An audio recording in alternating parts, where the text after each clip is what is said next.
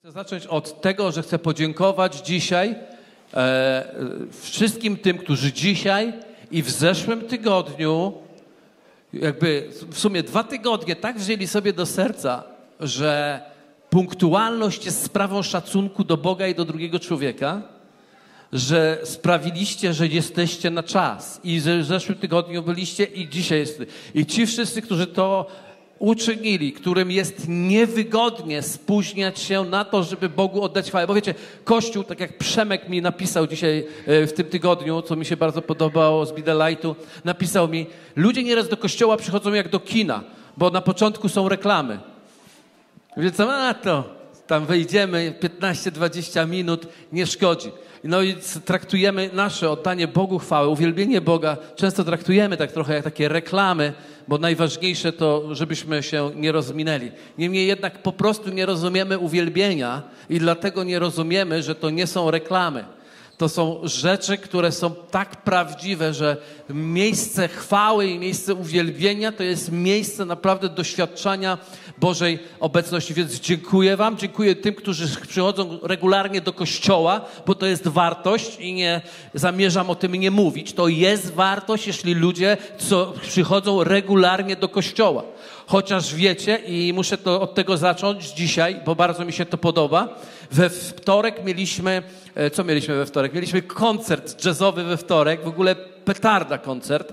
I mężczyzna, który prowadził, e, prowadził koncert e, i mówił parę słów, powiedział o takim przykładzie małżeństwa, że wyobraźcie sobie, że stoi małżeństwo, ślubuje sobie, zawierają ślub e, i po tym, po przysiędze, mąż nagle mówi do żony, ej słuchaj, wiesz co, to zróbmy tak, ja teraz sobie wyjadę, ale nie martw się, będę odwiedzał ciebie dwa razy w roku, na twoje urodziny i na, na nasz rocznicę ślubu. Ilu z was by uznało, że jest to jednak szaleństwo? Że to nie o to chodzi w małżeństwie. Jest kilku, że to nie o to chodzi. Bogu. Cieszę się, że jest kilku tu w tym kościele, który tak to wierzy. Ale żona wpada na lepszy pomysł i mówi: Słuchaj, nie, nie, no co ty wymyślasz? Tak nie możemy. Zróbmy tak, że będziemy się. Yy, teraz pójdziemy gdzieś sobie się rozejdziemy, ale będziemy się widywać raz w tygodniu na dwie godziny. Najlepiej w niedzielę na jedenastą. Wiecie, wygląda to trochę lepiej, jednak jest to nadal oszukiwanie samych siebie, ponieważ relacja małżeńska jest relacją podążania wspólnej podróży, bycia ze sobą cały czas, nieustannie.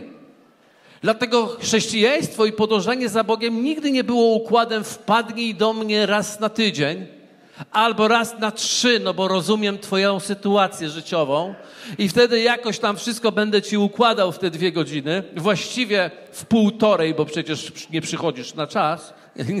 Ja to mówię do ludzi z Krakowa, tak, bo odsłuchują, odsłuchują, do nas to. Więc, no, więc, więc wpadasz na chwilę i ja Cię po prostu gdzieś tam to wszystko poukładam, to wszystko, co Ty popsujesz przez ten tydzień, nie przejmuj się. I wszyscy wiemy, że to nie jest chrześcijaństwo. I powiem wam, kiedy jestem w tej serii, to zaczynam drżeć za każdym razem, kiedy biorę mikrofon. Dlatego, że mam świadomość, jak ważną rzecz chcę, muszę, nawet muszę powiedzieć. Więc ja dzisiaj mówię trochę do, po domowemu, powiem dzisiaj. Troszkę do domowników przemówię. Jeśli jesteś gościem, jesteś tutaj pierwszy raz przypadkowo i tak dalej, nie przejmuj się, trudno, my musimy kiedyś pogadać, nie mamy przestrzeni. Niektórzy nawet nigdy, nigdy ich nie zaproszę w tygodniu, bo nigdy nie przyjdą, więc wpadli dzisiaj, więc ja to muszę wykorzystać ten moment, więc jeżeli jesteś gościem, przepraszam Ciebie, ale muszę do moich ludzi troszkę coś powiedzieć, do naszych ludzi, do naszych domowników WDJ. Ale myślę, że to też do Ciebie też mam nadzieję trafi, ponieważ Bóg ma naprawdę dla Ciebie staranie. Ale wiecie, drżę za każdym razem z jakiego powodu? Z tego powodu, że nikt na tej sali, jestem, tego, jestem tego pewien na 100%, nie chce i nie będzie brał udziału w czymś udawanym, nieprawdziwym. Nikt nie chce być częścią czegoś nieprawdziwego. Wszyscy chcemy być częścią prawdziwego życia z Bogiem. Niedziela, fantastyczny dzień, ponieważ to jest dzień, kiedy Kościół się gromadzi, kiedy rodzina się gromadzi i razem z Bogiem żyjemy, ale wszyscy dobrze wiemy, że nie można tym jakby zamienić prawdziwej relacji i żywego spotkania z Bogiem, doświadczenia Jego mocy, Jego obecności. Amen? Jesteście ze mną? Dlatego z powodu tego, że nie możemy mieć takiego czegoś udawanego, musimy naprawdę wejść w prawdziwy obszar. I dzisiaj kontynuuję serię, jak oddać Mu chwałę, kiedy się gromadzimy. Oczywiście, i to się zgadza, kiedy zapowiadałem dzisiaj sobie rano z pieskiem na spacerze, otworzyłem y, transmisję na żywo i zapraszałem ludzi na dzisiejsze nabożeństwo i mówiłem, że będziemy mówić o tym, jak oddać chwałę w zgromadzeniu. Oczywiście ktoś napisał, no chwała w zgromadzeniu jest efektem chwały, którą oddajemy sami z Bogiem każdego dnia. I to jest prawda, i to jest absolutna prawda, z jednym małą gwiazdką, którą chcę dopisać małymi literkami. Jest to niezwykle trudne. Jesteście ze mną? Jest to niezwykle trudne codziennie w swoim osobistym życiu oddawać Bogu chwałę. I druga gwiazdka, takie, druga, dwie gwiazdki teraz, pod jedną gwiazdką zawsze dwie gwiazdki, które są tak. Bóg o tym wie, że jest to dla ciebie trudne.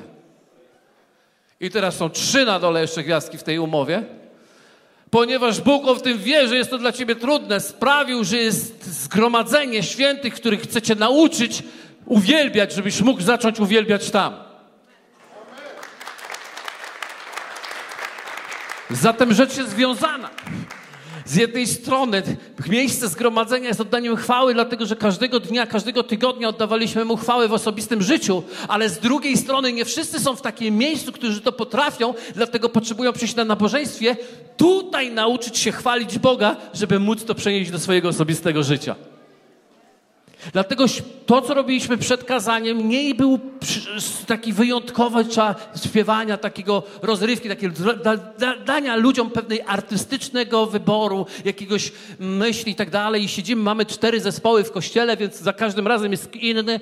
I, i to nie jest takie, żebyś teraz zrobił e, taką eurowizję, tak? No to głosuję na tamtych, czy na tamtych, czy na tamtych. Tylko to jest czas, w którym oni mają pomóc nam się spotkać z Bogiem. I teraz bardzo ważna rzecz. Uwaga, uwaga, bardzo istotna i bardzo ważna. Uwielbienie to nie jest prowadzenie tego na scenie, a my tutaj oglądamy i ewentualnie uczestniczymy. W uwielbieniu jest widownia. Chcę Wam powiedzieć, w uwielbieniu prawdziwym jest widownia. Problem polega na tym, że ona nie znajduje się tu, tylko ona jest w niebie. Ta widownia ma audytorium na trzy osoby takie potrójne krzesło. Bóg, Ojciec, Syn Boży i Duch Święty. To jest widownia, dla której przyszliśmy oddać Mu chwałę. Więc kiedy, kiedy Bóg jest, On nie siada z nami tam w rzędach, patrząc jak zespół super robotę robi, ale On siedzi tam u góry i patrzy na nas, jak my super lub pół super robotę robimy. I wiecie, ciekawe, że on widząc nas z góry, widzi nas wszystkich na jednej scenie. Czyli uwaga, on widzi tych, którzy tu coś robią. I widzi tych wszystkich, którzy tam coś robią. Niko, ty mnie prześladujesz, codziennie cię teraz widuję, wiesz? Wtedy mówię, no już co się stało? Codziennie się widzimy. Aleluja. Więc absolutnie, jeśli myślisz, że jesteś tam ja nie mówię tutaj, ja mówię o Krakowie, ale jeżeli myślisz, że siądziesz gdzieś dalej, dlatego że to powoduje, że to już nikomu nie przeszkadza, że ty tam na przykład nie dajesz Bogu chwałę, tylko tak, nie wiem, może tam sobie coś zaglądasz do komórki, albo akurat omawiasz niesamowitą sobotę, która była tak petarda, bo grill odpalił. Ale to nie o to chodzi, ponieważ Bóg patrzy na nas jako na jedno ciało, które gromadzi się, żeby mu oddać Bożą chwałę. I teraz popatrzcie, bardzo ważna kwestia. Jeśli najczystszą formą modlitwy, najczystszą formą modlitwy jest chwała i uwielbienie Boga. Najczystszą. Dlaczego to jest najczystsze? To jest najczystsze dlatego, że to jest miejsce, w którym ty rezygnujesz ze swojego egoizmu na rzecz uczczenia tego, co cenisz, czyli na rzecz uczczenia Boga. Wiecie, człowiek zbliża się i dotyka się tego, co ceni, a to, co cenisz, to chwalisz. Więc kiedy to chwalisz, to sprawiasz, że stajesz się tym, co chwalisz. Zatem jeśli chwalisz Boga, stajesz się podobny do Niego, tak jak Słowo Boże mówi. Z chwały w chwałę, jak to sprawia Pan, który jest duchem. Zobaczcie, psalm setny to jest namaszczony psalm. Dawid wiedział, czym jest uwielbienie i wiedział, wiecie, on się uczył to na polach z owcami, będąc tam, uczył się, co, czym jest uwielbienie. Napisał wspaniały psalm, niezwykle namaszczony. I czwarty werset mówi tak, kiedy mówimy o, o, o uwielbieniu, mówi tak, wejdźcie w bramy Jego z dziękczynieniem, w przedsionki Jego z pieśnią chwały. Wysławiajcie Go, błogosławcie imieniu Jego. Wiecie, Każde zdanie tu napisane, wejdźcie w Jego bramę dziękczynienia, w przedsionki Jego z pieśnią chwały, wysławiajcie Go, błogosławcie imieniu Jemu, jest tak mocne, że mógłbym spędzić dwie godziny mówiąc, co oznacza, co Bóg mówi w swoim słowie, jak mamy Go chwalić i wielbić. I to, uwierzcie mi, nie ma to, cały ten fragment mówi o czymś, co się wyraża zewnętrznie, nie mówi o niczym, co się wyraża wewnętrznie. Naprawdę tak jest. Ten akurat fragment mówi, dziękczynienie to jest coś, co jest na zewnątrz. Wyobraźcie sobie, że chcę podziękować mojej żonie i przychodzę.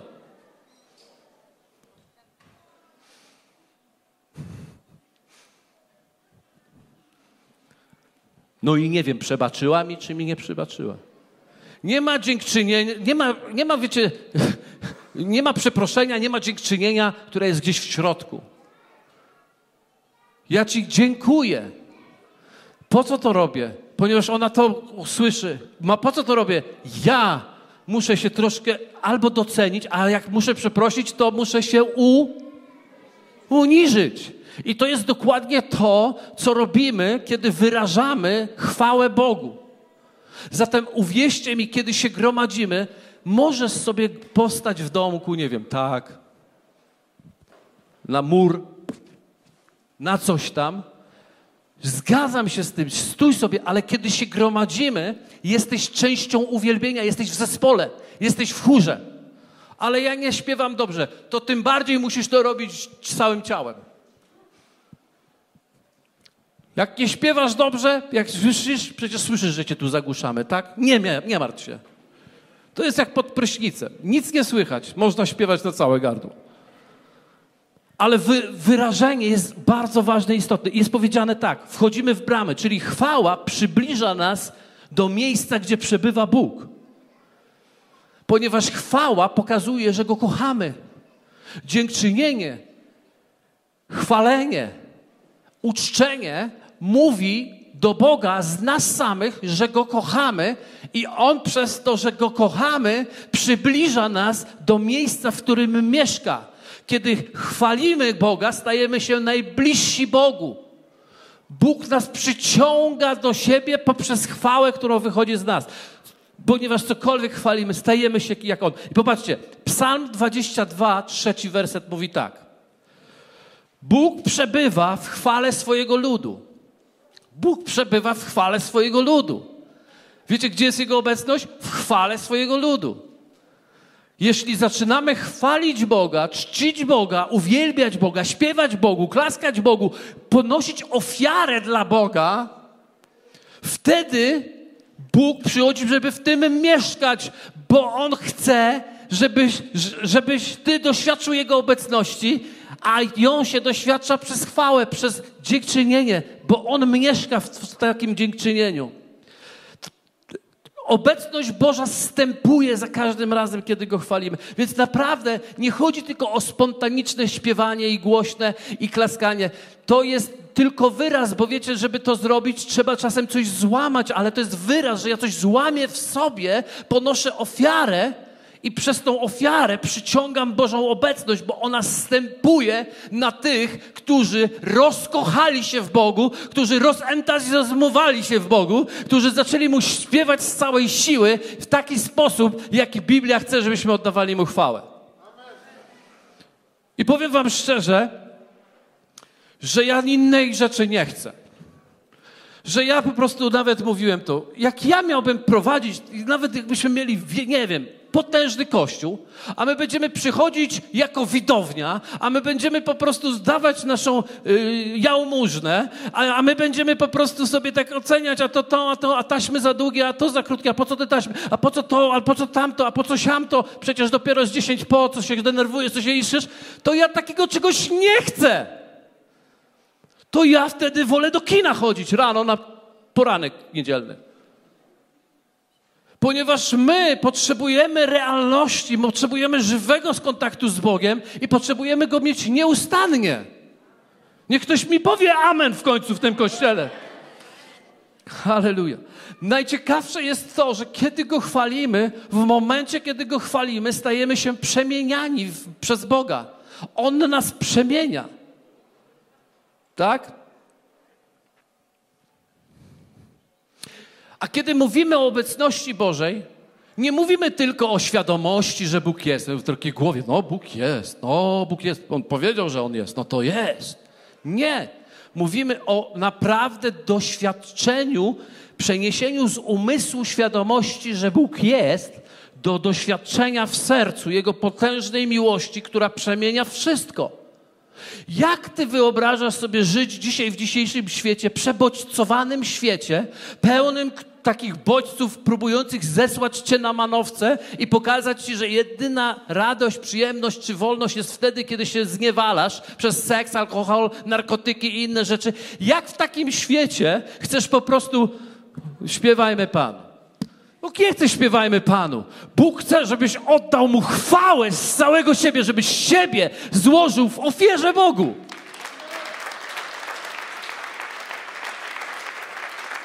To wpłynie na wszystko, kim jesteś. To dlatego oddawanie chwały jest spotkaniem, które zmienia wszystko. Nie wiem, czy wiesz, ale niektóre błogosławieństwa przyjdą dopiero przez oddawanie chwały Bogu. Wiele przychodzi przez wiarę, wiele przychodzi przez modlitwę, y, oddałeś swoje życie Bogu, wiele przychodzi przez różne rzeczy. Ale jest rodzaj błogosławieństwa, szczególnego błogosławieństwa, szczególnego namaszczenia, które Bóg przygotował tylko dla tych, którzy nauczyli się czcić Boga.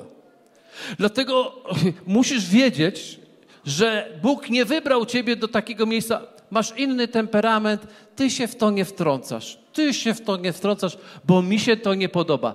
Nie szkodzi, że ci się to nie podoba. To jest nawet nieważne, że ci się to nie podoba bo to nie Ciebie wielbimy, tylko Boga wielbimy i nieważne, co Ci się podoba, co Ci się nie podoba. Naprawdę tak jest. Opowiadałem młodym, jak po prostu kiedyś Bóg mnie wezwał do uwielbienia w trakcie modlitwy, kiedy zupełnie atmosfera była inna. I wiecie, wszystko było ciężarem, wszystko było ciężkie, nic mi się nie podobało. Zastanawiałem się, co ja tu robię, bo Bóg powiedział, oddaj mi chwałę. A ja mówię, no oddaję ci, jestem tu. Nie, nie, oddaj mi chwałę. A ja mówię, ale co masz na myśli, żeby oddać chwałę? Oddaj mi cześć. I ja wiecie, tak wziąłem tak rączki, stanąłem, ludzie wszyscy byli gdzieś tam pochowani, a ja stanąłem tak, nikt nie stał, ja stałem. Rączki rozwarłem w ten sposób i słyszę od Boga, jak chcesz dużo namaszczenia, to rozszerz bardziej ręce, jak chcesz mało, to trzymaj tak po małemu. A wiecie, jak masz ręce jak tonę i, i po prostu nie możesz tego, to było tak ciężkie. I w końcu po prostu zamknąłem oczy, bo lepiej wtedy na ludzi nie patrzeć. Wyciągnąłem swoje ręce do nieba. Śpiewaliśmy wtedy Ubi Caritas. Nie szło to w rytm tych moich rąk, ale wiedziałem, że mam mu oddać chwałę. A on mówi, a jeszcze byłem tu i on mówi, i czuję, jak on mówi do mnie, zatać. A ja tak. Nogi przyspawane do ziemi. Nie mogłem oddać mu chwałę, ale kiedy po prostu w końcu się przełamałem i zaczęło to wpływać też na innych ludzi i coś się działo, ale później kończy się to spotkanie, ja kończę je tak. Wszyscy mówią amen, a ja mówię uff ale wiedziałem, że zrobiłem coś, co Bóg ode mnie chce, żebym zrobił. I podchodzi do mnie jedna osoba i mówi: Adam, ale ty lecisz na emocjach. lecisz na emocjach. Nie, uwielbienie jest ukrzyżowaniem emocji. Czasami się nie czujesz do tego, żeby tutaj cokolwiek śpiewać, klaskać. Dzisiaj młodzież tu wyskoczyła, skakała, klas... nie tylko młodzież, ja widziałem, było trzech starszych. No, więc Więc skakali i tak dalej. O, oni nie mają jeszcze prawdziwych problemów. Hu, hu, hu, hu, ja z nimi się spotykam. Oni mają prawdziwe problemy, wierz mi, wierz mi, wierz mi. Ale dlaczego chwalą? Dlatego, że wiedzą, że Bóg chce, żeby był uwielbiony, a jak będą Go chwalić, to Jego obecność przyjdzie, a jak przyjdzie Jego obecność, to przemiana przyjdzie, a jak przemiana przyjdzie, to zwycięstwo przyjdzie, to rzeczy się zaczną dziać, po prostu się zaczną dziać.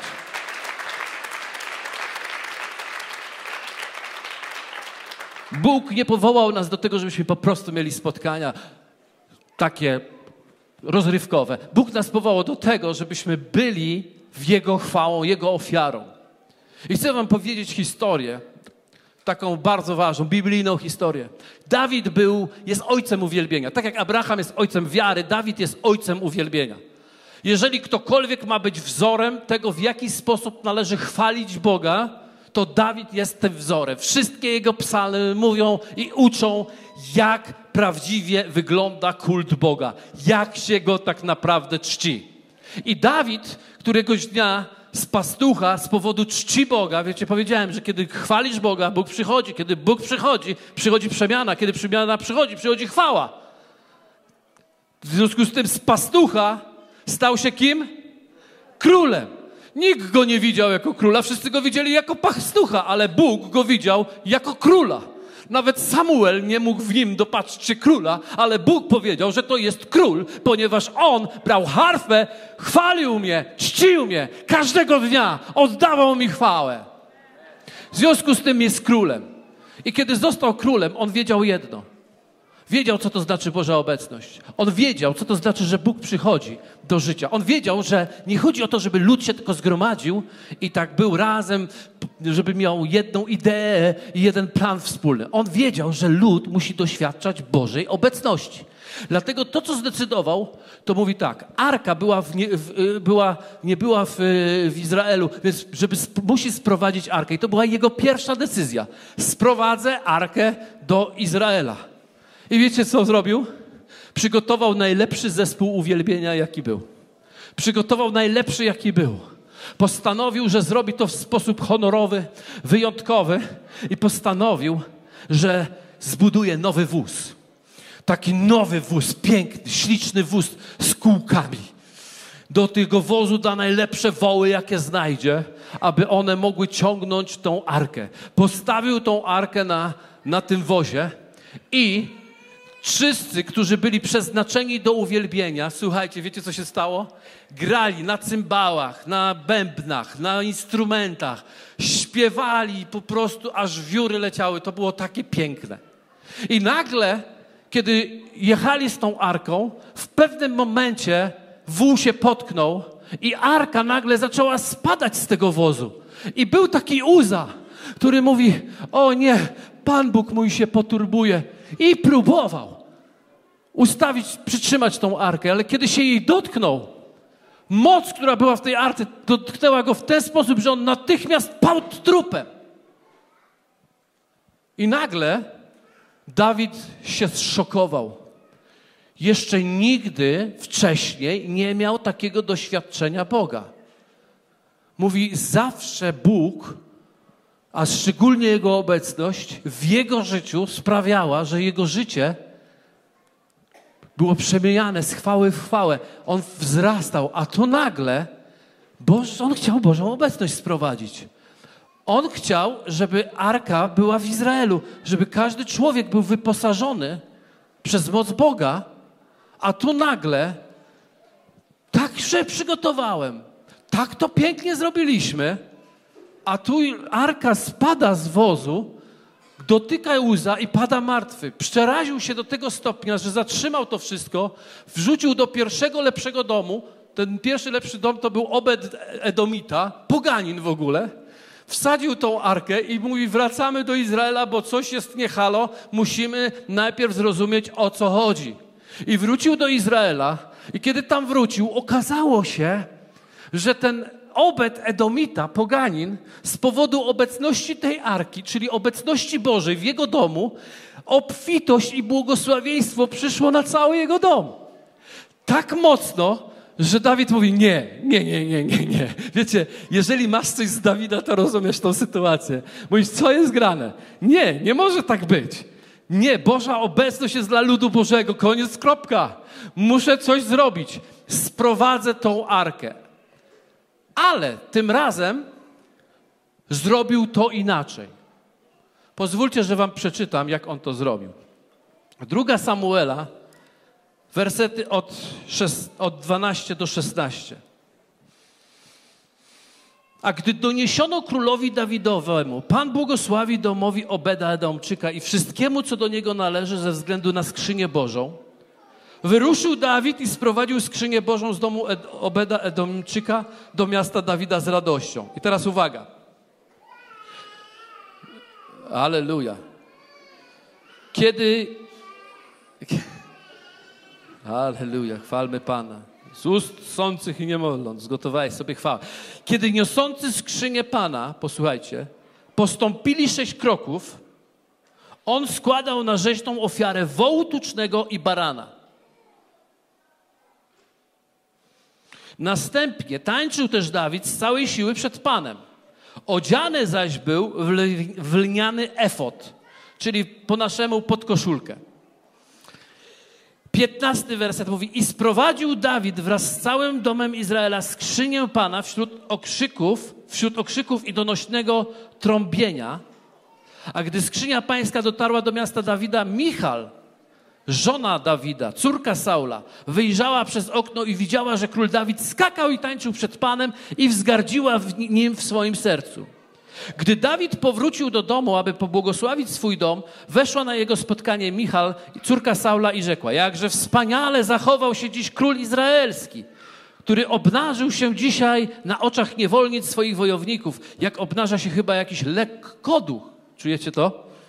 A Dawid rzekł do Michal, to przed Panem tańczyłem, przed Panem, który wybrał raczej mnie niż Twojego ojca, niż cały jego dom, aby ustanowić mnie księciem nad ludem pańskim. A choćbym jeszcze bardziej się poniżył niż tym razem i stał się w Twoich oczach godnym pogardy, to jednak u tych niewolnic, o których mówiłaś, będę poważny. A Michal, córka Saula, nie miała dzieci aż do, do swojej śmierci. Więc ta historia kończy się dosyć poważnie dla Michal, która zgardziła tym, co zrobił Dawid. Ale posłuchajcie.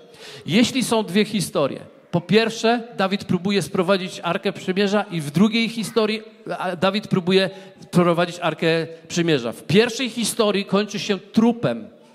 Trupem. Obecność Boża sprowadza coś, co jest nazwać można było duchową śmiercią. Bo mówimy nowotestamentowym spojrzeniem. Duchowa śmierć. Tu przychodzi do miasta arka zostaje doprowadzona i przychodzi Boże błogosławieństwo, Boże życie. Tu uwielbienie i tu uwielbienie. Czy jest coś, ale raczej powinniśmy wiedzieć, co zmienia wszystko? Ponieważ możesz być na uwielbieniu i na uwielbieniu. Możesz uwielbiać i możesz uwielbiać. I radzę Ci, żebyś wybrał właściwe uwielbienie. Po pierwsze, pozwólcie, że Wam to pokażę. Po pierwsze, złożył ofiarę z siebie. Złożył ofiarę z siebie. Jest powiedziane, trzynasty werset mówi tak. Kiedy niosące skrzynię Pana postąpili sześć kroków, on składał na rzeźną ofiarę wołu i tucznego barana. Czy, czy posłuchajcie, żebyście to dobrze zrozumieli. Jesteśmy kilkadziesiąt kilometrów do Jerozolimy. Tutaj jest arka. Bierzemy ją. Tym razem nie, nie, wo, nie wozem, tym razem kapłani biorą ją na ramię, bo to jest ofiara. Nie zrobimy ci, wiesz, tak nie, podjazd ci zrobimy. Nie, nie bierzemy Ciebie, bo, to, bo Ty jesteś dla nas warty. Ty jesteś dla nas wartością. I teraz uwaga.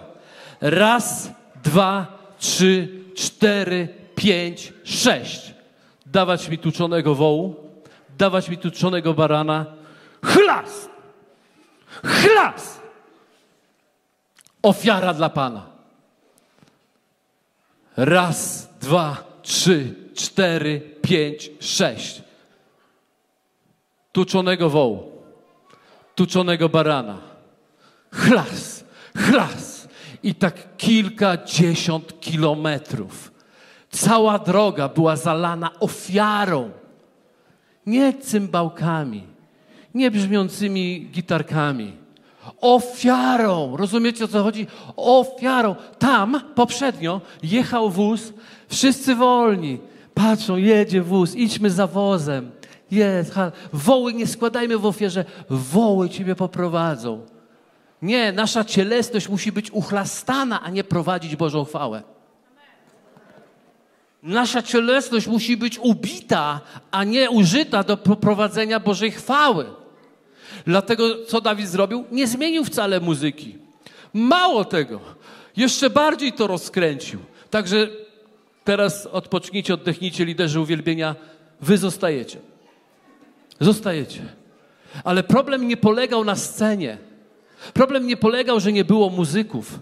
Problem polegał, że cała reszta nie ubijała woła i cała reszta nie składała ofiary. Po prostu słuchali, jak oni grają i widzieli ten piękny, ozdobiony wóz, który wiezie tą cudowną, złotą Arkę Przymierza. I tak, i nawet przyklaskali od czasu do czasu. I nawet pochwalili. Przepraszam, ja naprawdę jestem dzisiaj bardzo poważny, bo my musimy sobie odpowiedzieć na pytanie, czy my na poważnie traktujemy rzeczywistość, która jest.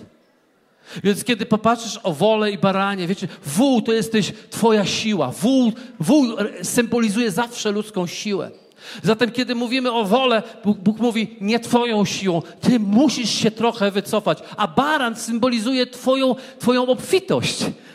Baran jest, reprezentuje Twoją obfitość, więc zarówno Twoją siłę, jak i twoje, e, Twój wpływ, Twój autorytet, on musi się wycofać, dlatego że chodzi o chwale Bożej, chodzi o to, że to nie my, ale to On jest godzien chwały. I może ci się nie podoba, że tyle wołów musisz ubić, że musisz ubić coś, co kosztuje, że musisz po prostu zrobić to. Ale to robisz nie ze względu na siebie, robisz to ze względu na tego, komu przyszedłeś oddać chwałę. I teraz popatrzcie, druga rzecz. Zrezygnuj ze swojej dostojności. Dzisiaj było to zaśpiewane. Trudno dostojnym być, zrywając kajdany.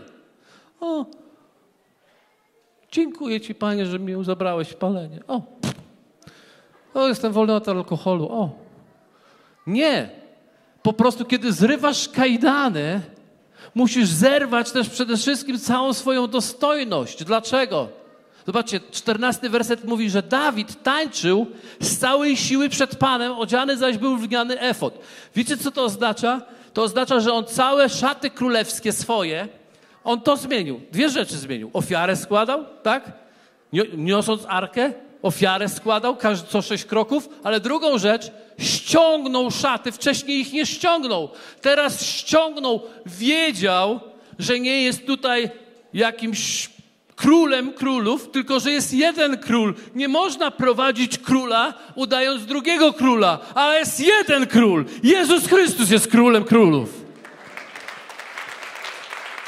Więc on ściągnął te swoje szaty, żeby być równy z ludem i był równy z ludem i szedł razem z nim do tego stopnia, że wiecie, wielu na pewno tam się poczuło niesmak. Mówię, kurczę, to, to jakoś takie dziwne. Przecież on jest tym, mm, tym no, królem, no.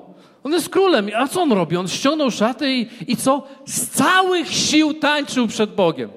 No wybaczcie mi. To na pewno nie było z całych sił tańczył przed Bogiem.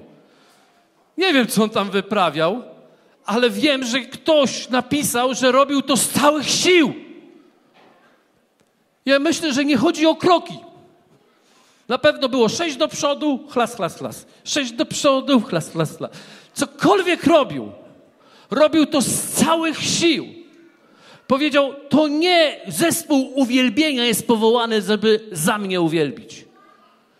Ja jestem powołany, żeby, żeby uwielbić i, i zrobię to tak, jak każdy powinien, jako lud Boży, a nie jako jakiś król, który tutaj będzie, hmm, hmm, hmm, no nie będę pajacował. I to nie było łatwe, bo miał fajną żonę, Michał, która popatrzyła i wzgardziła nim. Jakiś letkoduk do niego powiedziała. I oczywiście usłyszysz wielokrotnie, co ty, co ty po prostu normalny jesteś? Te czasy już minęły. Tam kiedyś pajacowałeś się, bo na obóz Bidelajcie kiedyś pojechało, trochę się człowiek zapomniał, poszalał. Ale teraz to przecież jesteśmy, studiujemy, jesteśmy IT, 3TT, DVD, mamy to, mamy siam, to wszystko mamy. Ale prawda, że to jest taka, że to jest miejsce niezależnie ile masz, jaki masz status społeczny, ściągaj te szaty króla. Ściągaj je i daj chwałę królowi, który jest prawdziwym królem.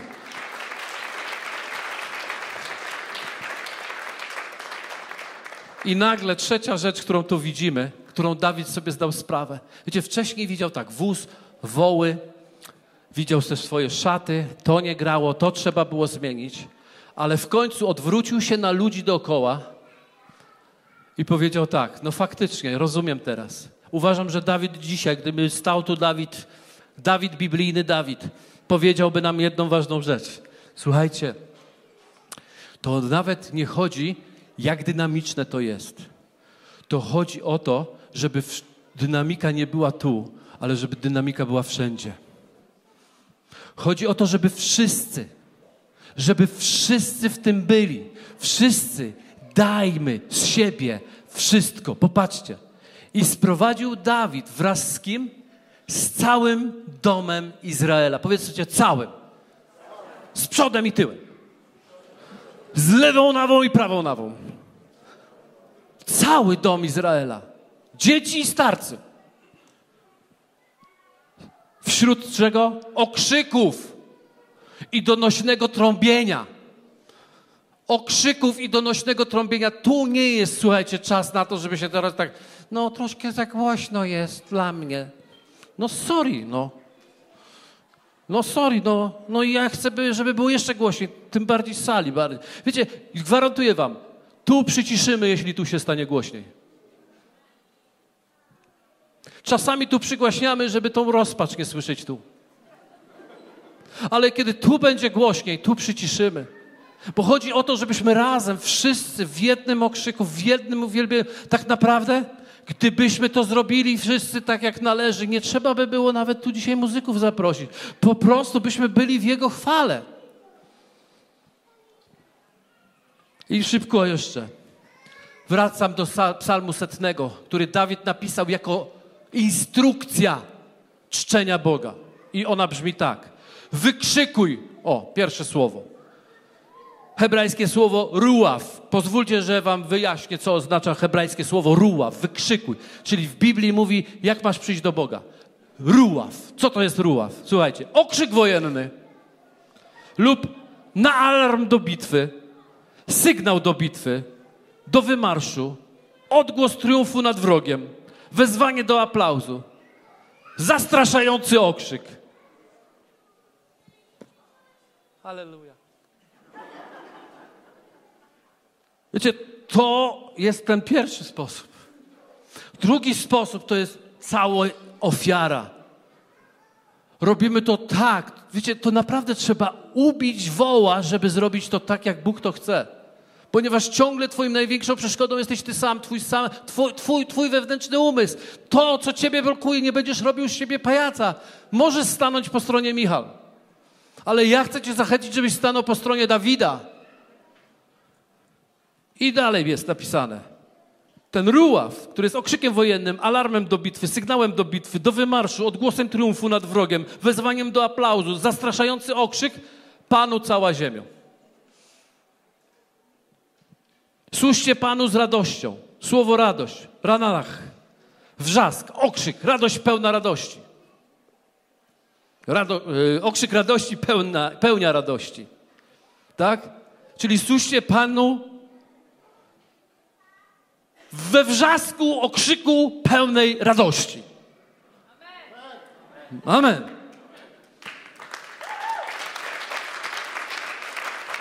To nie jest zachęta. To jest instrukcja. Ja wiem, że my słyszymy, no to, to niech inni tam se grze, grze, tam wrzeszczą. Ja tu nie jestem, żeby tutaj pajaca z siebie zrobić. Okej? Okay? Idź, no, dobra, cię. Trzeci werset. Wiedzcie, że Pan jest Bogiem. On nas uczynił i do Niego należymy. Widzicie, o co chodzi w trzecim wersecie? On, Bóg już, Dawid już wiedział, co się w głowie nam robić. Yy, yy, jak wrzeszczeć, jak radować się, jak... Yy, yy, I on mówi, wiedzcie, że Pan jest Bogiem. Aha. Nie my. Nie. Naprawdę nie my? No naprawdę nie my. My jesteśmy, wiecie kim jesteśmy? Ludem Jego i trzodą pastwiska Jego. On nas karmi, On nas się troszczy, ale my nie wybieramy, my podążamy za pasterzem. Amen. Amen, halleluja. Ja nie wiem, czy was zachęcam, ale dzisiaj nie miałem was zachęcać, czy was przerażam, ale Wejdźcie w Jego bramy z dziękczynieniem, w przedsionki Jego z pieśnią chwały. Wysławiajcie Go, błogosławcie imieniu Jego, albowiem dobry jest Pan, na wieki trwa Jego łaska, a wierność Jego z pokolenia w pokolenie. I wiecie co? Ja wiem, bo mi Duch Święty powiedział w trakcie, że już w trakcie tego kazania będą niektórzy i mówią tak, ale mm, to jest dla młodych dzisiaj. Ja chętnie popatrzę, jak młodzi to zrobią, bo, bo to jest dla młodych. A ja chcę wam powiedzieć, w ogóle to nie jest dla młodych, to jest dla wszystkich. Psalm 92 mówi tak: Zasadzeni w domu pańskim, wyrastając w dziedzińcach Boga naszego i jeszcze w starości, słuchajcie, jeszcze w starości przynoszą owoc i co? I są pełni sił i świeżości. I ja widziałem często dużo młodszych, starszych od młodszych. Dużo bardziej świeższych, starszych ludzi niż młodszych, którzy się za szybko zestarzeli. Ponieważ jeszcze, a dlaczego są w pełni siły i świeżości? Wiecie dlaczego? Aby obwieszczać, że Pan jest prawy, że jest opoką moją i nie ma w nim żadnej nieprawości. A Psalm 148, 12 mówi tak. Młodzieńcy, a także dziewice, czyli Pan liczy, że... I dalej, starcy razem z dziećmi, niech co? Niech chwalą imię Pana, bo samo Jego imię jest wzniosłe, chwała Jego jest nad ziemią i niebem. Pomnożył moc ludu swego, chwała wszystkim wiernym Jego, synom Izraela, ludu Mu bliskiego. Alleluja! Amen!